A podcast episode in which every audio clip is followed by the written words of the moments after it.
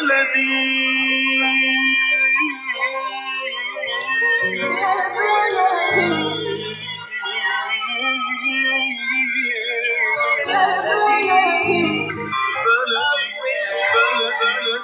وسهلا بكل الذين ينضموا للاستماع إلى راديو بلدي أول راديو عربي أمريكي ويعنى بقضايا العرب في المهجر برامجنا في راديو بلدي كل يوم جمعة من الثامنة وحتى التاسعة صباحا في بث حي ومباشر عبر WNZK راديو 690 AM صباح الخير بلدي صباح الخير لكل مستمعينا. Welcome to Radio Baladi, the first Arab, Middle Eastern, and American simulcast radio show. Radio Baladi is broadcast every Friday morning on WNZK 690 AM from 8 until 9 Eastern. Time on Good Morning Michigan. Our call-in number 248 557 3300. And now, stay tuned for the best radio talk show on Arab and American issues.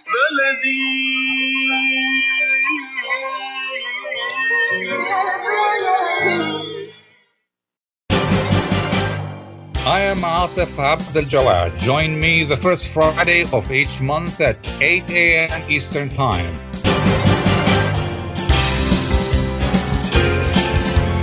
I will be discussing some of the most important issues and events in the Middle East live on America's Voice of the Arabs.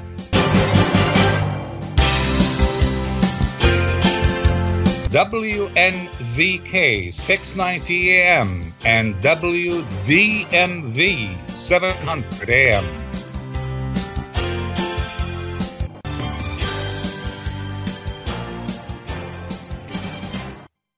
Good day, everybody. Our discussion today uh, in the next hour will focus on two cases of occupation and whether there is a link between them. The first is Ukraine, and the second is the occupied West Bank. Israel, for several days, struck the West Bank before switching its strikes to Gaza. In the meantime, Israel, until recently, was reluctant to help Ukraine against Russia because Moscow controls the airspace in Syria. And Israel needs to be able to strike Iranian and Syrian targets in, in, in Syria. The US supports Ukraine against Russian occupation while supporting Israel despite its occupation of the West Bank.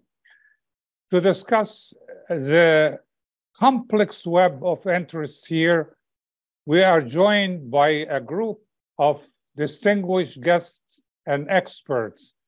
We have Mr. Said Arikat, a long-time Washington-based Palestinian journalist. We have Professor Brad Roth of Wayne State University. And later on in the program, we'll be joined by Mr. Abdel Jawad Omar Hamayil or Hanayil, who lectures at Birzeit University and who will give us an eyewitness view of what happened in Jenin. Um, before we get started, I, I have a program note, and that is we are coming to you, um, dear audience, not just on radio, but also by video. If you go to Facebook, the Facebook page of US Arab Radio, you can see us on Zoom. So go ahead and uh, follow us uh, on the Facebook page of US Arab, uh, Arab Radio, US Arab Radio. Um, let's get started. Um, and my question goes to both my guests, uh, Mr. Arikat and Mr. Uh, Professor Roth. And we will take Mr. Roth first.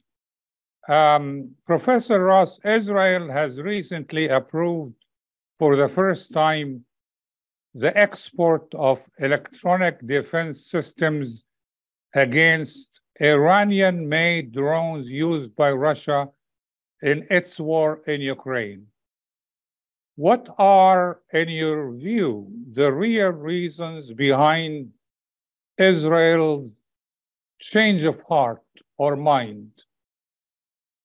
Well, I think that the Netanyahu government has been under a substantial amount of pressure from the United States uh, over this matter. Israel has been rather an outlier within uh, the, the close allies of the United States in dealing with the issue uh, of the Russia Ukraine war, uh, very much for the reasons that you point out. The, um, the, the situation of the Israeli government actually has been, in some sense, bipartisan uh, uh, Naftali Bennett and Yair Lapid had uh, maintained essentially the same kind of position uh, toward the Russia-Ukraine conflict uh, as Netanyahu um, for these kinds of strategic reasons. The concern uh, that the, the, relationship between the United States, between between Israel and Russia over matters in Syria were of greater significance.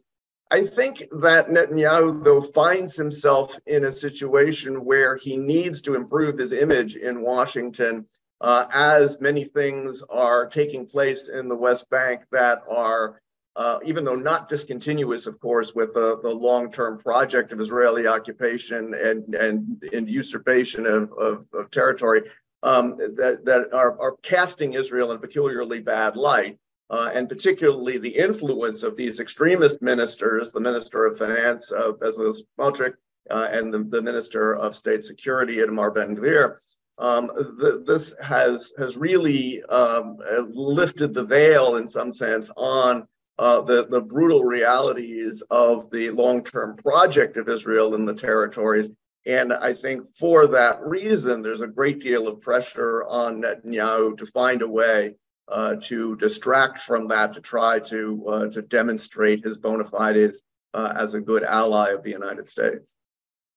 Mr. Arikat. Well, Atif, uh, I don't really care much about this issue. It's uh, it is a phony issue. I mean, you know, uh, Israel aiding Ukraine and all these things. The pretension that Israel is such a great power that it can really affect the, the war in Ukraine is nonsensical. Israel is a client state of the United States of America. There's nothing, absolutely nothing, that it can offer Ukraine uh, that the United States and its Western allies are not offering Ukraine. So this is a phony issue, much like the Iran issue. The Iran issue, the Iran conflict, uh, the Israeli-Iranian conflict is a phony issue. Is, Iran is not going to attack Israel. Israel is not going to attack Iran. There's only one war going on. And that is the war of Israel against the Palestinians. Nothing else. All these other things are distractions just to show that Israel is really bigger than what it is. It's bigger than uh, being a, a, a, gangster state controlling a, a, a civilian population, a Palestinian population, brutalizing them, destroying them, and so on. So, all these issues, to be quite honest, I wouldn't spend uh, a minute uh, discussing because in the final analysis, what could Israel provide Ukraine that the U.S. is not offering, from the Patriot missiles to cluster bomb to MiG to uh, to uh, F-16 to you know Leopard tanks to whatever you or AMF uh, uh, Abrams tanks and so on. So to say that really Israel is trying to do this, it's nonsensical it is trying to project Israel as this really, you know, I mean, what with the Palestinians, that's just a, a little thing. You know, we are bigger people and so on. So, um, in a nutshell, it's a phony issue. Okay, so why uh, do you think, um, as Mr. Professor uh, Roth talked about, uh, U.S. pressure as part of the reason why Israel is is aiding Ukraine right now? Now we understand that that we have two cases of occupation here. Now we will discuss all the issues that you uh, talked about. But why is the U.S. pressuring Netanyahu uh, to help Ukraine, but not pressuring um, Netanyahu to stop building the settlements, for example? You know, once again, Atif, uh, I don't think that the United States of America is really pressuring Netanyahu to aid Ukraine. It's nonsense. It is all PR. It's nothing. Why would it pressure it? I mean, this is um, it's like saying, you know, you you go to your client and say, the stuff that I give you, would you give some of that to Ukraine? We know that the United States of America has a great deal of preposition military equipment and so on in Israel. So it has transferred some of that pre-positioned military equipment because that is the purpose of it. It is done from the Gulf. It is done from Israel. It is done from other places where the United States maintain bases and military uh, presence uh, and all these things. So why are they pressuring them on, on this and not pressuring them? For, I don't think they are pressuring them on either issue. And uh, what I'm really concerned about, and uh, and to be quite honest, I mean, forgive me, I don't I don't compare. I mean, I'm not someone who compares the the criminal uh, uh, Israeli occupation of the Palestinian with what is going on in Ukraine. I don't want to enter into that argument. You know, I you know, to me, Israel is a gangster state. These fellows that go into the camps and kill people, they are gangsters in uniform. They do it day in and day out, and they are sanctioned by the West simply because it is a Western creation. Professor Roth, occupation is occupation, as Mr. Uh, Arikat just said. Occupation is occupation. And many say the US position here is evidence of a double standard. Now, I understand that morality doesn't play any role in, in international politics here. So, but we have a clear evidence of a double standard in what the US is doing in the case of Ukraine as, as compared to the case of the occupied West Bank. Any comment? Well, I think that the situations are are fundamentally different, and one obviously has been going on for a very long time and is consistent with a, a certain general mindset in Washington about the, the relationship between Israelis and the Palestinians. Uh, and so this is simply the, the perpetuation of, uh, of those kinds of policies, a kind of a, a logical conclusion in some ways uh, to them, uh, what's been going on uh, more recently. Um, I, I, think that the it, it's it's not particularly interesting in some ways to to compare the cases, if only because um, the, the the issues relating to Ukraine have to do with a, a, kind of change in the status quo that's unfamiliar that, that's unfamiliar and, and unwelcome to the United States. Whereas what's going on in in the territories is a perpetuation uh, of the status quo uh, and a, a deepening of it. Um, there's no question in terms of the hypocrisy with respect to international law. Um, but then the United States also, in, in demonstrating that it's willing to provide cluster munitions to Ukraine, um, is is also willing to uh, uh, you know sort of demonstrate a lack of regard for certain fundamental principles in international law, even on that front.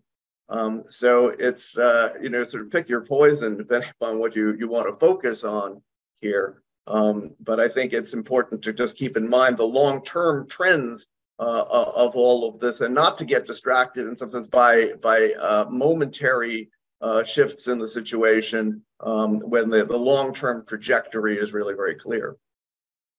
Mr. Arikat, so why the double standard? I know this is a, uh, a redundant question by now because uh, ever since 1948, and we have been asking that question. Why the double standard? Is this a trick question, Atif? Why the double standard? I mean, the, the West has always had double standard. It is racism, it is colonialism, it is their legacy, it is their history. You know, the relationship between the West and the middle, the Arab world has historically been based on racism, hegemony, double standards, and so on. We don't need to look at Ukraine to say, well, oh, we suddenly discovered that the United States of America had double standards. I mean, I go to the State Department, as you know, to the briefing every day, you know, and I see this double standard almost, you know, between the beginning of one sentence and the end of that sentence. There is so many expressions and so many illustrations of double standard. The West has created the state of Israel. The West supplies the state of Israel. The West um, um, historically looked at this state as a bulwark against Arab nationalism, the rise of Arab nationalism, the rise of progressive things, and so on. We know that in communications between Ben Gurion and Truman, you know, for instance, and so on. So there is uh, nothing new.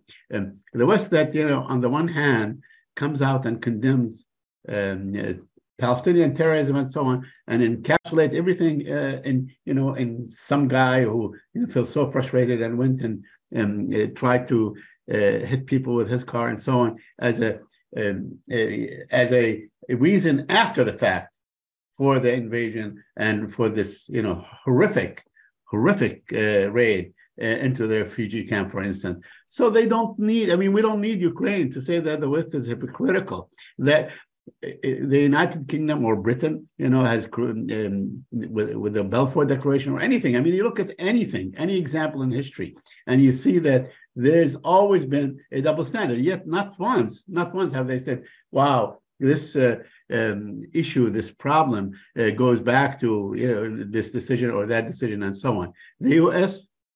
unashamedly uh, is going to approve the sale of more F-35s. This wonderful airplane. This is supposed to be the most sophisticated fighter jet in the history of man, which it is. And you know what? This F-35 has only been used where? It has only been used in Gaza. It has only been used against a defenseless population. It has only been used there. It has not been used in combat anywhere else. So it's not only double standards, but there is a methodical program to keep uh, the uh, to keep the Palestinians under occupation, to keep their world fragmented, to uh, pursue phony alternatives and so on. I mean, uh, look at what the United States has done it used to have a peace envoy, for instance, right? It was Martin Indyk or Dennis Ross or all these uh, others and so on, but at least it was under the term or the banner that he's a peace envoy. And what do we have now? We have an envoy for normalization with the Arabs. So it has shifted. The priorities have shifted. They they appointed Dan Shapiro as the envoy for um, uh, the normalization or the so-called uh, you know, Abraham Accords, which is really very phony because it wasn't a guy named Abraham that you know sp- sponsored or brokered uh, the, these uh, uh, uh, deals. So that shows you the hypocrisy and the priorities. We don't need more evidence uh, on how hypocritical the United States of America is. Well, it's ironic, Mr. Arikat, that the U.S. just celebrated the 4th of July, its independence Right. And independence from who? From Britain, from the UK, from England, from King George, um, what you called Western uh, domination. So um, we will continue our discussion when we come back after the break. Were you recently at the emergency room urgent care or at your doctor's office being told you need a hand, wrist, or elbow specialist, at the Katranji Hand Center, we offer the latest techniques in hand, wrist, and elbow care. From sports injuries to work injuries to everyday hand, wrist, and elbow problems, the specialists at Katranji Hand Center are here to get you back on track. Call us in Troy today at 248-869-4263 or visit us at katranjihandcenter.com to schedule your appointment today. Clap your hands. If you're happy and you know it and you really want Five year old Lila and her mom are on their way home from grandma's, singing Lila's favorite song. A few blocks away, 25 year old Dylan is visiting friends at a small party. He finishes off his last beer, Later, skater. gets in his truck, and starts for home. Mom and Lila turn onto Maple Street. So does Dylan. If you really want to show. If you're happy and you know it, shout hooray. Hooray! Every 50 minutes in the United States, someone dies in a crash involving a driver impaired by alcohol or drugs. If you're impaired and you know it, don't drive. Drive sober. A message from the Michigan Office of Highway Safety Planning. Get ready for an amazing experience at Ishtar Restaurant on 15 Mile Road in Sterling Heights. Enjoy excellent hospitality from owners Ali Al-Baghdadi and Fatty Bottom, serving the best in Mediterranean food. Try Chef Ali Al-Baghdadi's famous shawarma, the best Iraqi grills and food, and the best Arabic and international dishes. Dine in our authentic atmosphere or take out. Call 586 698 2585 or check us out on Facebook. Ishtar Restaurant practices all CDC guidelines and is open every day, 11 a.m. to 10 p.m. Have an amazing experience today at Ishtar Restaurant, 3625 15 Mile Road, Sterling Heights. When you're looking for the best in optical care, Dr. Imad Nakash is your doctor to see. With years of experience and thousands of successful procedures performed, you can trust your eyes to Dr. Imad Nakash. See Dr. Imad Nakash and his professional staff for your eye care needs. There's two locations to serve you. In Hazel Park, call 248 336 3937. 248 336 3937. In Rochester Hills, call 248 299 3937. That's 248 299 3937. I am Atif Abdel Jawad. Join me the first Friday of each month at 8 a.m. Eastern Time.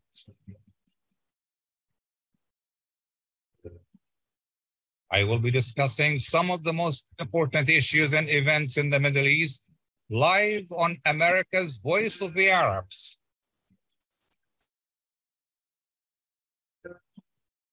WNZK 690 AM and WDMV 700 AM.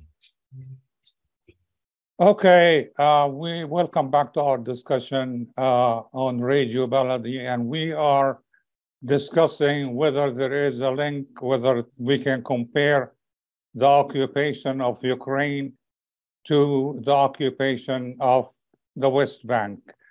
Um, Professor Roth, is Israel helping Ukraine um, against the drones simply because they are Iranian made or what? Well, uh, I think in in general, again, it's it's it's embedded in the U.S.-Israeli relationship. There has been this concern on the part of the Israelis, actually, that if they were to share their technology uh, with the Ukrainians, that that technology could be captured and then transferred to the Iranians and used against Israel. Um, but that has often been seen as a pretextual claim anyway.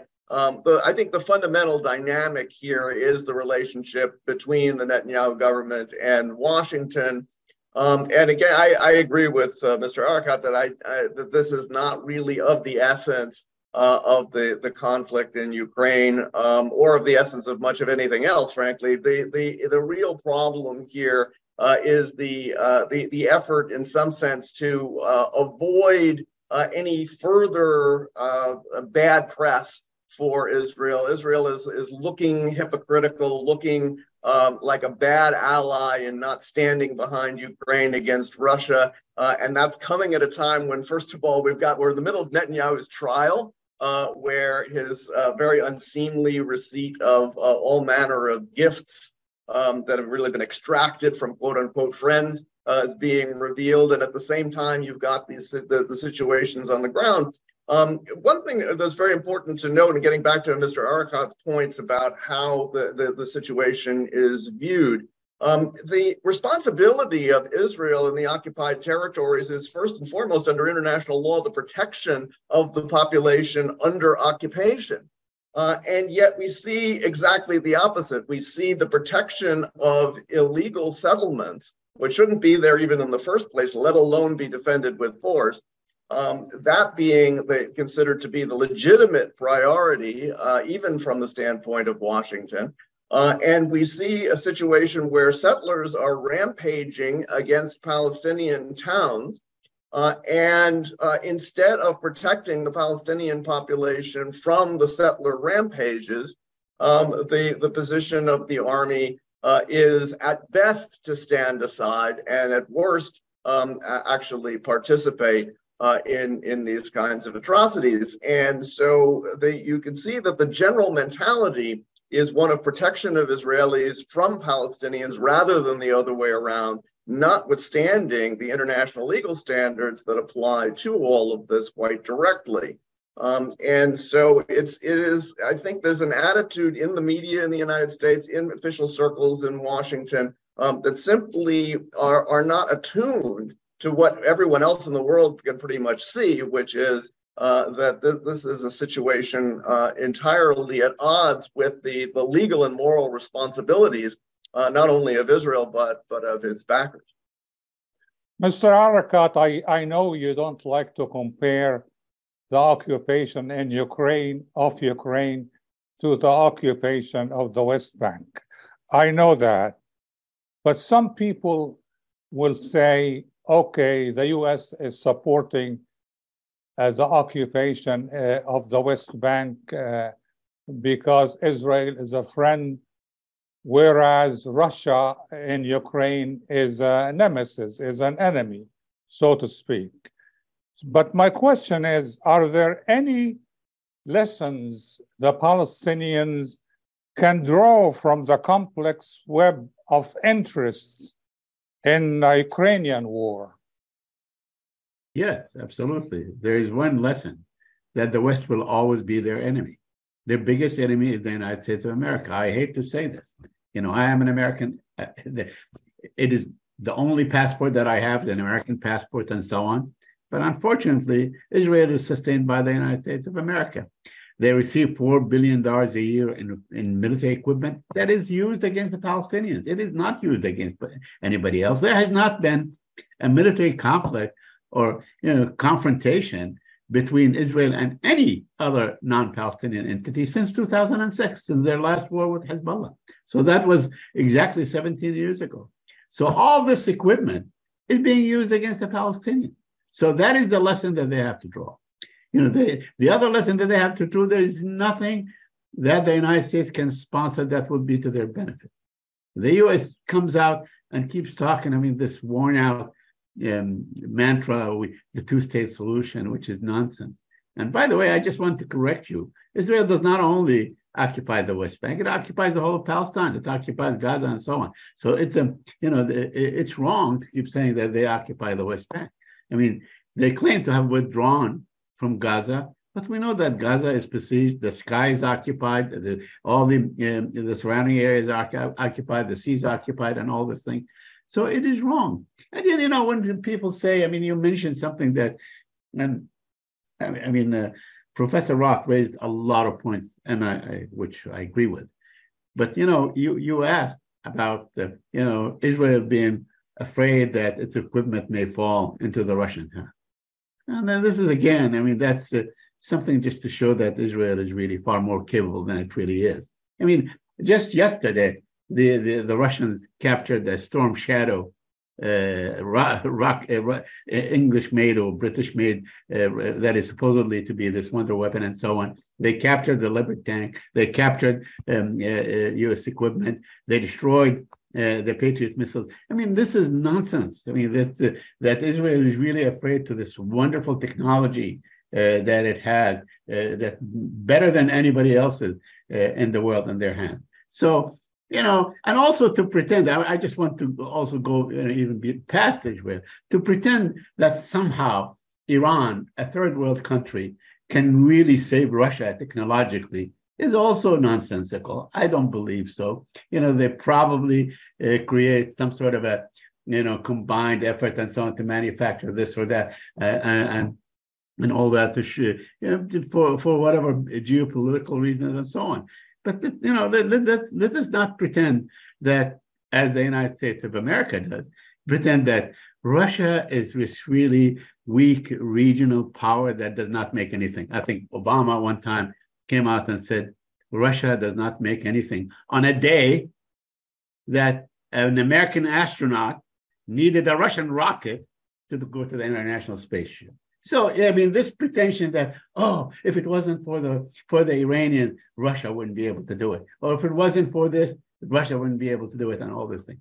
So that aside, you know, what we should focus on that the fact that the only continuously and sustained military brutal occupation ongoing today is against the Palestinians and by the Israelis, that by the United States of America, that keep sending arms and equipment and money. Not only that, diplomatic protection at the UN, diplomatic protection and all the other international forums and so on, where a whole Congress, where the GOP, all the congressmen and women in, in the US House of Representatives get together and say they want to outlaw calling free Palestine. They want to outlaw the word.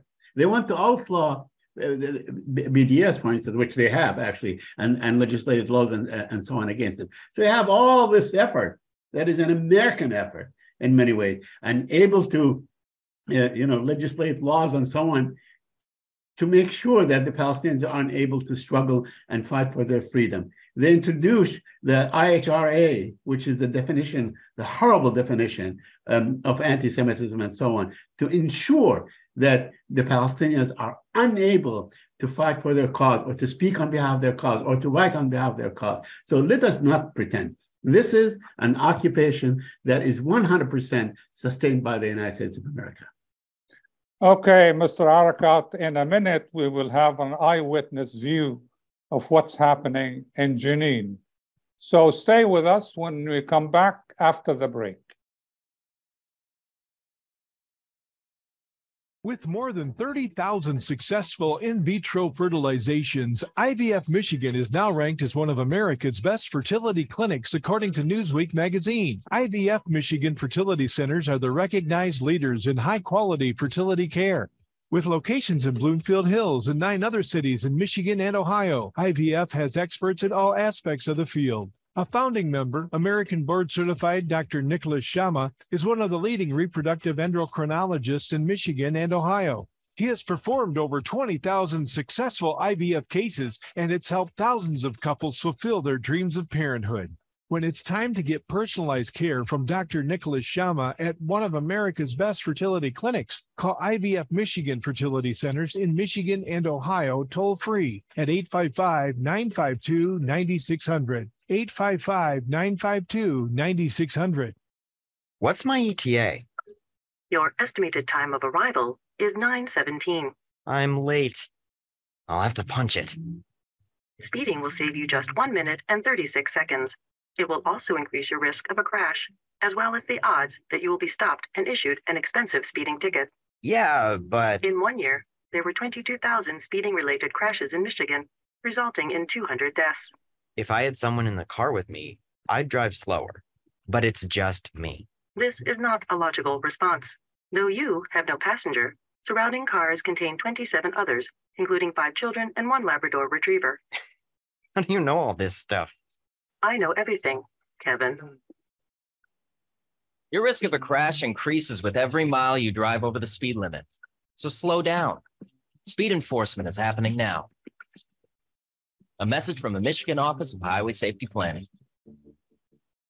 Kashat's Mediterranean Market in Shish Kebab offers a great array of your favorite Mediterranean meals. Meals range from lamb specialties, shawarma sandwiches, and seafood dinners. Plus, they offer big trays of your favorite food and so much more. Kashat's Mediterranean Market in Shish Kebab is located at 32839 Northwestern Highway in Farmington Hills and is open from 9 a.m. to 9 p.m. So stop in or call Kashat's today at 248 538 9552. That number again, 248 538 9552. Kashat's Mediterranean Market in Shish Kebab will definitely leave you satisfied. I am Atif Abdel Jawad. Join me the first Friday of each month at 8 a.m. Eastern Time.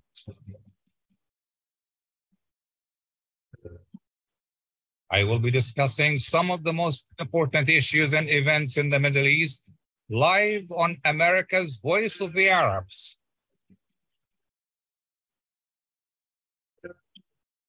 WNZK 690 AM and WDMV 700 AM.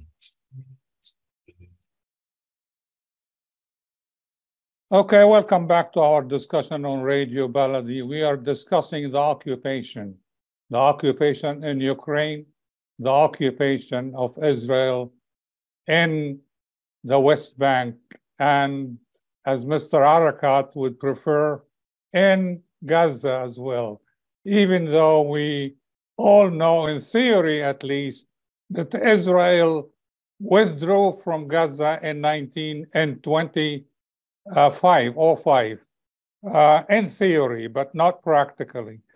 Now, we are supposed to be joined by an eyewitness um, guest from uh, the West Bank, Mr. Hamayel. I don't know if he is there. Can you hear us, Mr. Yeah, yeah, Hamayel? I'm- you are I'm here. here. very good, very good, because I- I don't see you on video. So, uh, what can you tell us about the situation in Jenin right now? Well, right now people are, um, you know, uh, fixing the ruins, uh, the destruction on uh, the infrastructure that has happened uh, during the military operation, because Israel used uh, a lot of heavy uh, bulldozers like D9, airstrikes, etc. But there's also a sense of victory on the part of the Jenin refugee camp, a sense of um, um, of being able to withstand this Israeli military pressure and to come out uh, alive from it, um, especially on the part of the resistance groups that exist within the refugee camp itself. So, despite the, the destruction and despite uh, the martyrs, despite the, the killings that happened, there's also that sense of hope that uh, that is emerging from um, the last two days and what happened in the refugee camp. Now, I would like to invite our other two guests, uh, Professor uh, Roth and Mr. Arikat to ask you questions if they wish. Sure. Um, I, would be very interested in in uh, having an account of of what the attitudes are on the ground in terms of the role of the Palestinian Authority. It seems uh, polls are showing that uh, that the, the PA is is continuing to lose legitimacy. Its inability to protect uh, people in Jenin obviously uh, would, would seem to, to augur very poorly for this. Its incapacity to actually provide much assistance in terms of rebuilding. So I'm wondering what the attitudes are that you're you're seeing on the ground. I mean, um, one of the indicators of, of people's attitudes towards the PA was actually um, some of the leaders of the PA went to the refugee camp and to participate in the funerals, but they were um, shut down by the people themselves, and it caused a lot of havoc uh, within the funerals themselves. So it tells you exactly what you were you know, hinting on uh, in terms of uh, your question, which is not only is the PA uh, and its leadership in the eyes of the people losing legitimacy, we can also see the resurgence of resistance as part of this unbinding process from the PA, because part of its social base is also um, you know, um, becoming more antagonistic towards it. And it's losing control because it's under the pressure of its American, European, and Israeli allies um, to quell the resistance, which it cannot do. And at the same time, it's under the pressure from the people to actually uh, start protecting them from settler violence, um, uh, from Israeli incursions, from uh, the wide uh, campaigns of arrests, etc. And it cannot really manage the situation um, at this moment. So it's losing a lot of legitimacy in the eyes of people. It's losing a lot of credibility in the eyes of the people, and also it's financially strained, which adds more um, uh, to the problems of the PA at this current moment. Mr. Arikat, would you like to ask Mr. Hamayel any question?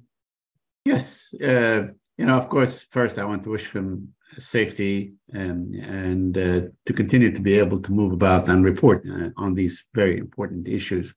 Um, I mean, it uh, it was a sight to be seen when uh, the uh, the population throughout Azam al-Ahmad and al-Alul, you know, the Fatah people that went there to speak.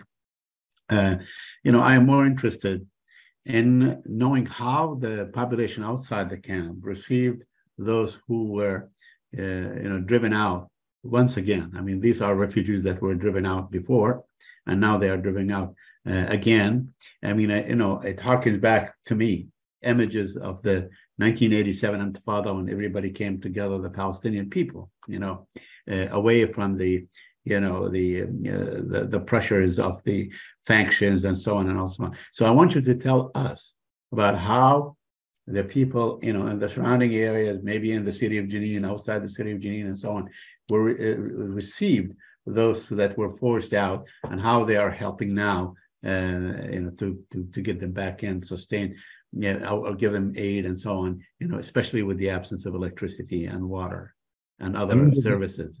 Yeah, I mean, uh, I mean, I think it's always when people come under strain and, and stress, um, you know, of uh, brutal violence, and uh, as you already uh, said, a lot of people were driven out of the camp uh, in the in the campaign itself. You see this sense of solidarity arising among people. So um, people open their houses, hotels open their doors, uh, churches, mosques in the area also opened their doors. People were giving bread food, etc.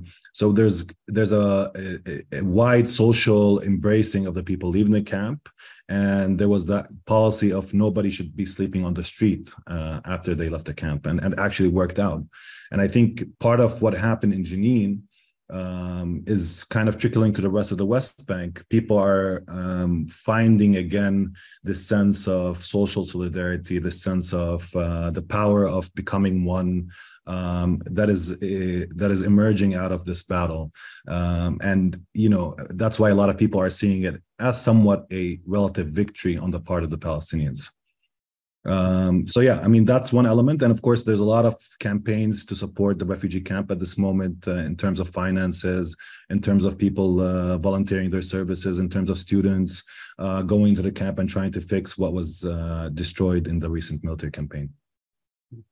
Mr. Hamayel, um, why do you think Jenin was the focus of Israeli incursion?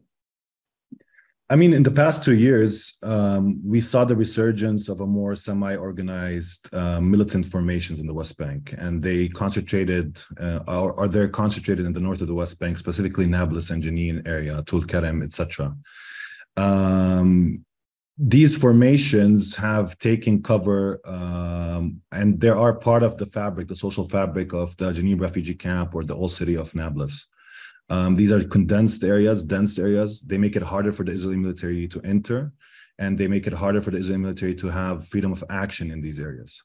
So the concentration now in Jenin has transpired after Israel has been able to kind of quell and limit the Nablus groups, which for, from the Israeli perspective pose more of a threat on the settler infrastructure in the area because most of the settlements in the north of the West Banks are around Nablus, not Jenin. Uh, but now it's turning its attention towards Jenin and the refugee camp in Jenin. But of course, Jenin has always been, historically speaking, uh, a beacon of resistance um, from even before 1948. And it has this kind of like uh, memory, if you want. It has this um, ability to always generate different forms of resistance at uh, and at this particular moment, it's one of the hotbeds of resistance, and that's why it's trying, uh, or Israel is turning its attention towards Jenin at this point.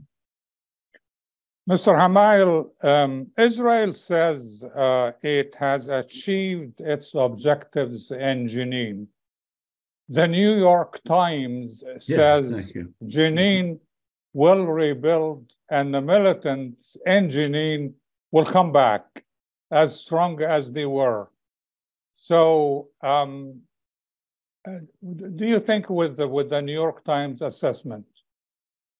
I mean, I think to be honest, it's always the framing of what happened in Jenin is always, you know, a, a matter of conflict. But I think from from a Palestinian perspective, um, Israel is touting, for instance, you know, uh, capturing some uh, weapons or arresting some people in the refugee camp, uh, some assassinations that they've conducted through airstrikes. But in in essence, most of the resistance fighters in the refugee camp remained alive. Most of them are still operative. Um, and not only that, on a symbolic level, they've managed to um, convince the Palestinian people who have been shattered, who, who are kind of in a state of hopelessness, that there is some sort of hope. So I think in in in many ways, the the battle in Jenin was not a real victory on the part of the Israelis from the perspective of its military campaign and engagement.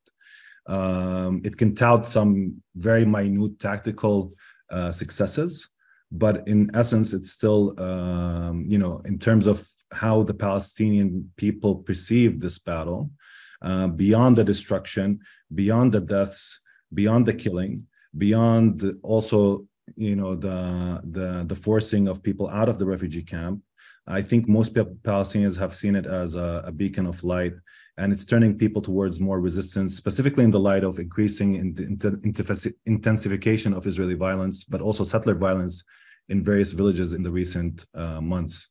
So I think, um, in terms of the New York Times assessment, I think it's uh, more accurate in terms of seeing it as something that uh, that is not a total success for the Israelis, at least. Okay, Mr. Arikat, would you? I I see that you probably had a question you wanted to ask Mr. Hamayel. Uh, another question? Well, I, I, have a comment and uh, perhaps a, a, question. I mean, uh, you know, I'm, I'm glad you mentioned the article by uh, Isabel Kershner, you know, the, the New York Times correspondent. And uh, in fact, she does, you know, she does give a, a very you know sober kind of assessment of what happened uh, uh, in Jenin. But you know, I mean, I don't know how the Israelis measure success or measure, you know, victory and all these things. I mean, I saw this uh, uh, bizarre, pathetic looking, you know, like uh, you know, some sort of a flea market. They have some, you know, backpacks and and some helmets and some old clothes and children's clothes and saying, look, look at our, you know, spoils. We have we have gotten all this from the enemy and all that stuff.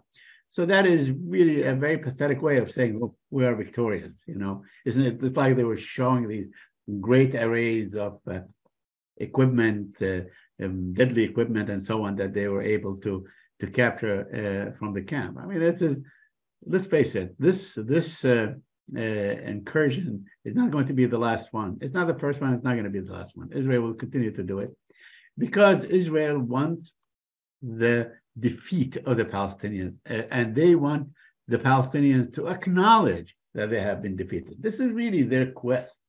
The quest has all along been, and if, if you listen like I do, I mean, I follow all the Zionist lobby uh, groups, uh, whether it's AIPAC or uh, the Foundation of the Defense of Democracies or American Jewish Committee and so on. I mean, they do, they have these hearings on Capitol and other places, and what they want, you know, God, I mean, why wouldn't the Palestinians, after 75 years of us hammering them, stealing their land, doing this, thing, they don't admit defeat. So this struggle, uh, it's not a, um, um, a victory for the Palestinian, but it is a statement that this issue is not going away. They're not going anywhere. They're not going uh, anywhere. And you know, you, I want to just go back to Mr. Hamad because he raised a very important point uh, of what I understood from what he was saying that you have now all this resistance group and so on actually working independently of any other Palestinian group. And, you know, least of all, I think, uh, the Palestinian uh, Authority.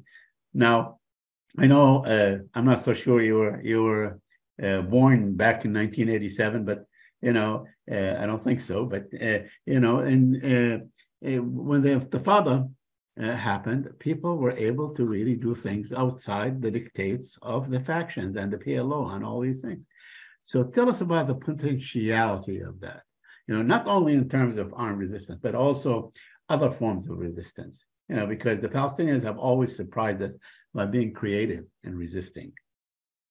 I mean, there's a lot of there's a lot of potentiality in in how people forge new forms and modes of resistance, if you want to call it like that. So um, it's kind of difficult at this moment to really assess what forms can emerge uh, beyond the, the current militancy that is happening in the north of the West Bank and some form of individual attacks that happen by the motivation of individuals. Um, the, the most important element of why is that because in Palestine today, there's still a lot of internal antagonisms. It's true that there is this emergent form, but that doesn't mean that there's no internal antagonisms at the heart of the social body, the Palestinian social body, uh, between being, you know, uh, stretched uh, into PA ideology of let's remain silent, let's not do anything active or proactive, let's sustain the kind of economic stability that exists between quotes. Of course, it's not really true economic development or economic uh, in, or economic development uh, overall.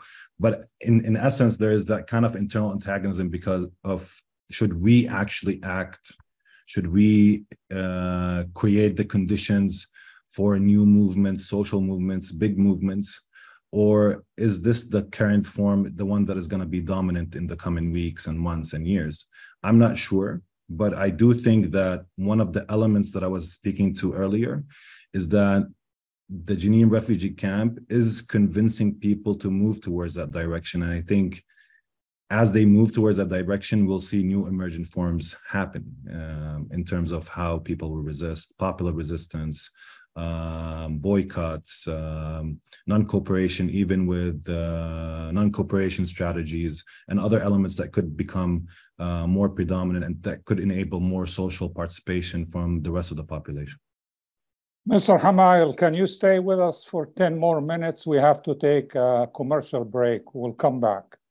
Sure. Life for Relief and Development has now been rated as one of the best charities for humanitarian aid. Life's humanitarian projects span the globe, and Life is celebrating its 30th anniversary of providing essential life saving aid to people and communities in 36 countries, regardless of race, color, religion, or cultural background. Where there is life, there is hope. And when disaster occurs here or around the world, including being one of the first responders to the Turkey Syria earthquake crisis, Life for Relief and Development rushes in to provide food, medical aid, and shelter to those in need. We are looking to help the earthquake victims, and we take 0% overhead on emergency donations. So please help improve these efforts. Learn more about our involvement to help the helpless and bring hope where it's needed most. And make your tax deductible donation to Life for Relief and Development now at lifeusa.org or call 248 424 7493. That's 248 424 7493. Are you going to start a restaurant or a grocery store soon? Do you need floor plans and designs? Call Najee Abood at 734 744 9796. Do you want to buy kitchen and restaurant equipment at discount prices? Call Najee Abood now, 734 744 9796. New Concept Products and Design, the trademark of kitchen equipment. 5% discount on all purchases of $75,000 or more. New Concept Products and Design, new location, 31 185 Schoolcraft in Livonia. Learn more at www.newconceptproducts.com. Call Najee Abood, 734 744 9796. At Top Rehab Physical Therapy Clinic in Dearborn, we provide effective physical therapy sessions in order to limit pain and discomfort. Top Rehab provides physical therapy care for any diagnosis prescribed by a physician, and we regularly see and treat conditions such as stroke, TMJ, fibromyalgia, sciatica, joint pain, and more. We use a variety of pain management methods, including modalities, soft tissue mobilization, and therapeutic exercise. If you're in need of physical rehabilitation or physical therapy, get the highest quality health care at Top Rehab. Most insurance is accepted, and we're open Monday, Wednesday, and Friday, 8 to 6, Tuesday and Thursday, 8 to 5, and Saturday, 10 till 2. Call for an appointment today at 313 846 0555. That's 313 846 0555. Choose Top Rehab Physical Therapy Clinic on Michigan Avenue in Dearborn. Life's too short to be in pain. I am Atif Abdel Jawad. Join me the first Friday of each month at 8 a.m. Eastern Time. I will be discussing some of the most important issues and events in the Middle East live on America's Voice of the Arabs. WNZK 690 AM and WDMV 700 AM. Okay, welcome back to our discussion on Radio Baladi. We are talking about the situation in Jenin, the occupied West Bank of Palestine.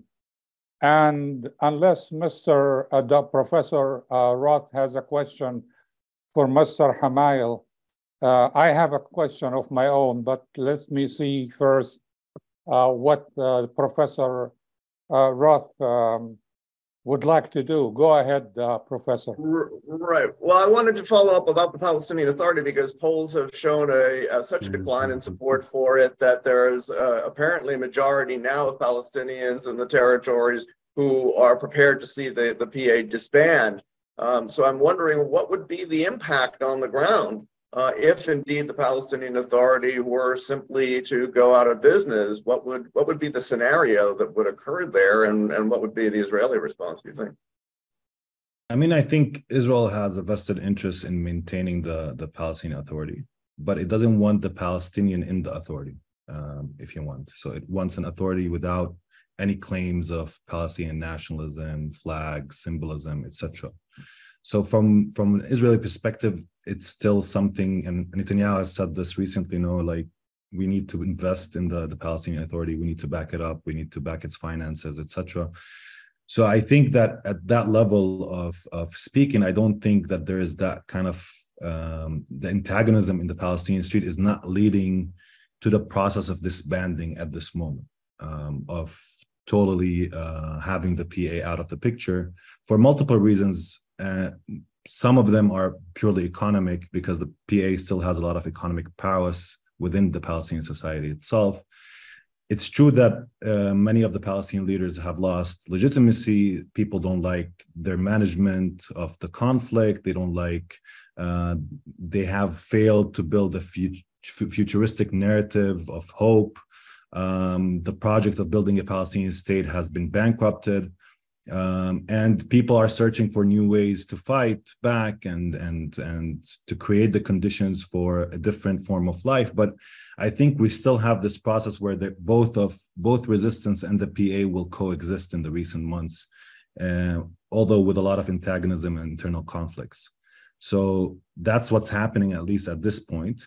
Because i think the other element the last element i would like to speak to which is the fact that there's no concrete alternative to the PA at this moment. So it's not that people people don't like the PA, they don't maybe want to disband the PA, maybe they want to search for new avenues, but at the same time, there's no real political project that can provide an alternative to the PA, and that's why it's hard to picture what would happen without the PA in terms of financing, in terms of people's, uh, you know, in terms of healthcare, education, um, the employees of the PA, you know, the PA uh, employs about 30% of the Palestinian workforce.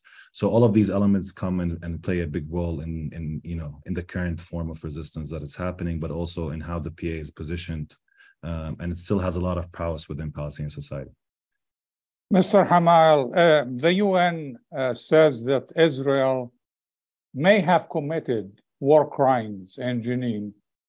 Can you describe to us specifically anything specific that you have seen or heard about?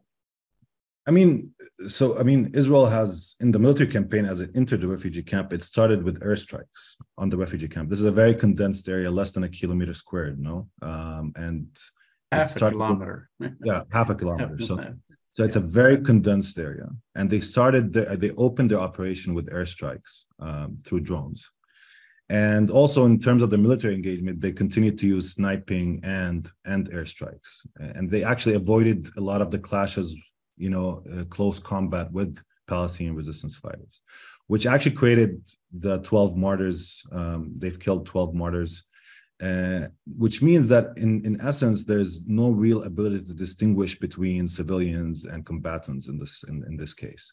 Now of course in international legal framework you need to go and investigate and see what really happened and see who's a civilian and who's a combatant and what really you know transpired on the ground. But i think that the, the way israel was using its firepower the way it's was utilizing its firepower and its avoidance of any clashes because it wants to safeguard its soldiers it has a zero uh, policy of Israeli soldiers killed means that it's it, it usually falls into uh, in its military engagement. It usually falls into the, the, the committal of war crimes, whether in Gaza or in Jenin or other places. Mr. Arikat, we have um, less than two minutes uh, left. Uh, would you like to have uh, a question for Mr. Hamayel before we go? Yes, actually, I want to ask about the access to uh, uh, medical facilities and so on. We know that the Israelis went after um, the uh, the hospital, the clinic, and so on. They, of course, ruined the roads access. So, how did that impact the uh, people's access to medical facilities and so on, which they were scarce to begin with? I mean, yeah, I mean, Israel just broke basically, you know, any sense of security around hospitals and medical which was given to people because it entered the hospital and it actually shot people within the hospital perimeters. So, um, you know, it impacted people. It's, you know, a hospital is something of, you know, in, in, in our world today, it's a sanctuary. It should be a sanctuary. Um, yeah. You know, politics should be out of hospitals. But um, Israel, besides that point, entered and actually engaged in uh, combat within the hospital, kill, injuring, I think, three people or more. I don't remember the exact number. Um, so it tells you something about Israel's willingness to to break every legal norm, every moral norm when it comes to its military operations as well. And of course, it impacts people's sense of security within the hospital or their ability to go to the hospital and get any kind of medical uh, relief. Thank you all for your contribution. I will see you again the first Friday next month. Have a good weekend. Thank you. Thank you.